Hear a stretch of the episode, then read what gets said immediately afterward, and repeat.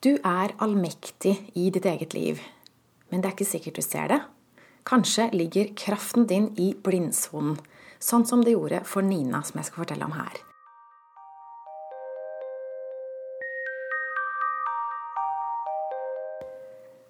For noen år tilbake hadde jeg et kundesamarbeid med en dame. La oss kalle henne Nina. Og en stund etterpå så leste hun noe jeg hadde skrevet, hvor jeg skrev noe om at grunnen til at ikke vi løser opp i våre egne problemer, er fordi vi er redde for å gå i oss selv. At vi syns det er skummelt, og at det er noen ubehagelige følelser vi ikke har lyst til å kjenne på.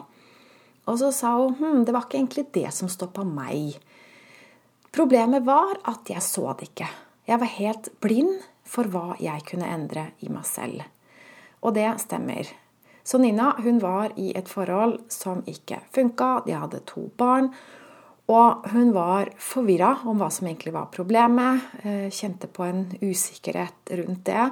Og mangel på mestring. Fordi hun var en dame som var vant til å få til det meste, egentlig. Men akkurat det her kunne hun ikke finne ut av. Og hun tenkte at bare jeg utvikler meg mer, så kan jeg redde det her forholdet. Men hvordan? Jeg ser det ikke. Nina så et utviklingspotensial i samboeren sin. Men hva kan man bruke det til? Fordi vi kan ikke kontrollere andre mennesker, vi kan kun kontrollere oss selv. Og hun så ikke hva hun kunne endre på i seg selv. Så Derfor så ble hun sittende igjen med en skyldfølelse også for at hun ikke hadde gjort nok for å få forholdet til å funke. Eh, og også en sorg på hans vegne for at han ikke utvikla seg sånn som hun så det. Så vi gikk i gang med samarbeidet og starta med det jeg kaller for hoderydning. Hvor vi skriver ned hva som ikke funker, finner ut av hva som er viktig. Og herfra så er spørsmålet hva kan Nina gjøre for å dekke sine egne behov, for å dekke det som er viktig. Ikke hva samboeren kan gjøre, men hva kan jeg selv gjøre. Og når vi gjør det, så går vi ut av interessesirkelen og inn i innflytelsessirkelen. Og hvis du lytter til denne podkasten fra websiden min, så ser du et bilde av det under her. Og hvis du lytter utenfra websiden min, så ligger det en link under her hvor du kan klikke deg inn. Men altså, interessesirkelen, det er her vi er når vi har en interesse i hva andre mennesker gjør, eh, og ikke nødvendigvis har noe innflytelse på det. Når vi holder oss innenfor innflytelsessirkelen, så ser vi på de tingene vi kan gjøre noe med. Så problemet her var at Nina befant seg i interessesirkelen og hadde veldig stor interesse i at samboeren eh, utvikla seg. Men det gir opphav til maktesløshet, rett og slett, når vi ikke kan forandre på det vi er interessert i. Så det lønner seg å begrense interessen til sin egen innflytelsessirkel. Så det var det jeg fikk henne til å se på. Så det vi fant ut, var at Nina hadde også et stort utviklingspotensial. Men på en helt annen måte enn det hun selv tenkte. Som sagt så lå hennes utviklingspotensial i blindsona. Hun befant seg i et dysfunksjonelt parforhold, og det som hadde ledet henne inn i det, var et mønster fra barndommen, hvor hun var opplært til å sette seg selv til side. Og det viste seg at hun hadde ganske store mønstre å rydde opp i, i seg selv, og det gjorde hun. Hun lærte å ikke ignorere egne behov lenger, men ta seg selv på alvor. Og når hun gjorde det, så endte det med skilsmisse. Og det var det som var hennes utviklingspotensial. Det var rett og slett å komme seg ut av et dysfunksjonelt parforhold.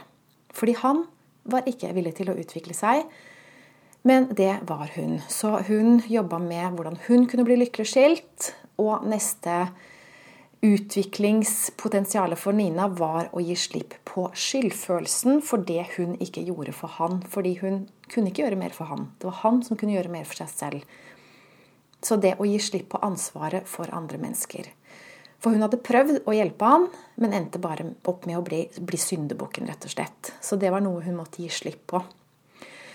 Og hun må også gi slipp på sorgen over at han ikke utvikler seg. For det er egentlig litt eh, overkontrollerende å bestemme over andre mennesker. 'Jeg syns du skal utvikle deg.' Det er overkontroll. Um, og det er egentlig ikke ubetinga kjærlighet heller. Ubetinga kjærlighet, det er å elske folk som de er, selv om de velger å ikke utvikle seg. Så det var det hun lærte å gjøre. Gi slipp på kontrollen av han, og lære å akseptere han som han er, og sette pris på det, de tingene som er bra med han, eh, og ikke forvente noe mer, og la det være opp til han. Så Nina har i dag fått friheten tilbake, fått en eh, ny kjæreste som hun passer bedre sammen med, eh, og har lært barna sine om ekte relasjoner. Brutt ut av et familiemønster som har gått i arv i generasjoner. Så det var som sagt store muligheter for Nina eh, som hun ikke så selv. Så det, det er bare ett eksempel på at kraftsenteret vårt det kan ligge i blindsona. Noen ganger trenger vi hjelp til å se det. Så et godt spørsmål som jeg har stilt, ehm, eller egentlig som jeg har lånt fra Byron Katie, som er en av mine store forbilder. Hun hadde en Instagram-post som jeg delte. Og her står det Hva er årsaken til dine lidelser? Er det han? Er det henne? Er det dem? Eller er det dine tanker om han, henne, dem? Og her kan vi virkelig låse oss fast. ikke sant? At vi tror at det er han, henne eller dem som virkelig er årsaken til våre lidelser. Men når vi kan se at det er våre tanker om andre mennesker som er årsaken til våre lidelser, det er først da vi blir fri. Og sånn er det. Når vi ser Når vi opplyser våre egne blindsoner, så vil vi oppleve at vi er allmektige i vårt eget liv. Og Jeg har flere eksempler på det her. Nina var bare ett eksempel. Og jeg kommer til å lage noen videoer om det som du kan finne på både på Facebook, LinkedIn, Instagram og YouTube. For jeg ønsker å vise deg at du er allmektig i ditt eget liv. Min coaching er ikke for alle. Hvis du har gitt opp alt håp, så kommer du sikkert ikke til å melde deg på noe som helst. Men hvis du har et ørlite håp, så hører du i det minste på podkastene mine og videoene mine, og jeg håper at du får håp. Litt av problemet her er at det er så mange som har prøvd mye. De har oppsøkt den ene eksperten etter den andre, og så blir de skuffa. Og så sitter de med følelsen at det er ingenting som hjelper. Men de gjør det helt feil. Fordi så lenge du lener deg på andre, så vil du ikke finne svaret. For det er ikke andre mennesker som kan hjelpe deg. Det er bare du som kan hjelpe deg selv. Og det er egentlig hemmeligheten bak all hjelp. Det var sånn jeg fant ut av det òg, at jeg òg lener meg for mye på andre, og det hjalp ikke. Og det var når jeg innså at det er bare jeg som kan hjelpe meg selv, det var først da jeg la den riktige kraften i selvutviklingsprosjektene mine eller kursene eller hva det nå er. Og så har jeg brukt mye coaching selv, så det er jo ikke det at jeg ikke bruker andre, men det er jeg som styrer mitt liv. Og det er du som styrer ditt liv. Og så lenge du tror andre skal hjelpe deg, så kommer det ikke til å funke. Det du må gjøre, er å legge all kraft i å hjelpe deg selv. Du har alt du trenger i deg selv, og det vet jeg. Jeg er mentor for deg som ønsker å bli, virkelig bli fullt og helt, eksperten i ditt liv på alle plan. Og jeg starter opp en ny gruppe nå 1.6. Hadde en gruppe som starta 1.3. Starter opp en ny gruppe 1.6. Og på min webside under ebutikk så kan du lese mer om hva det her innebærer, og melde deg på. Og selv om det starter 1.6, så ligger det nå allerede videoer og oppgaver du kan begynne på og få en tyvstart. Men altså selve supportperioden går i fire måneder fra 1.6 til 1.10. Og det du vil få hjelp til her, er å sette lys på dine blindsoner. Så vi skal bare putte inn de tingene som du syns er vanskelig, og transformere det derfra. Så målet er å finne tilbake til den ekte deg, den du egentlig er. Den personen som vet at du er allmektig i ditt eget liv.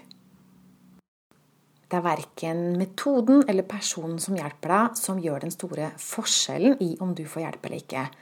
Den faktoren som betyr aller, aller mest, det er din innstilling. Du må gi alt. Og så hjelper det å ha en mentor på veien som ser deg hvis du stikker av eller svikter deg selv, eller gjør det feil, ikke forstår det.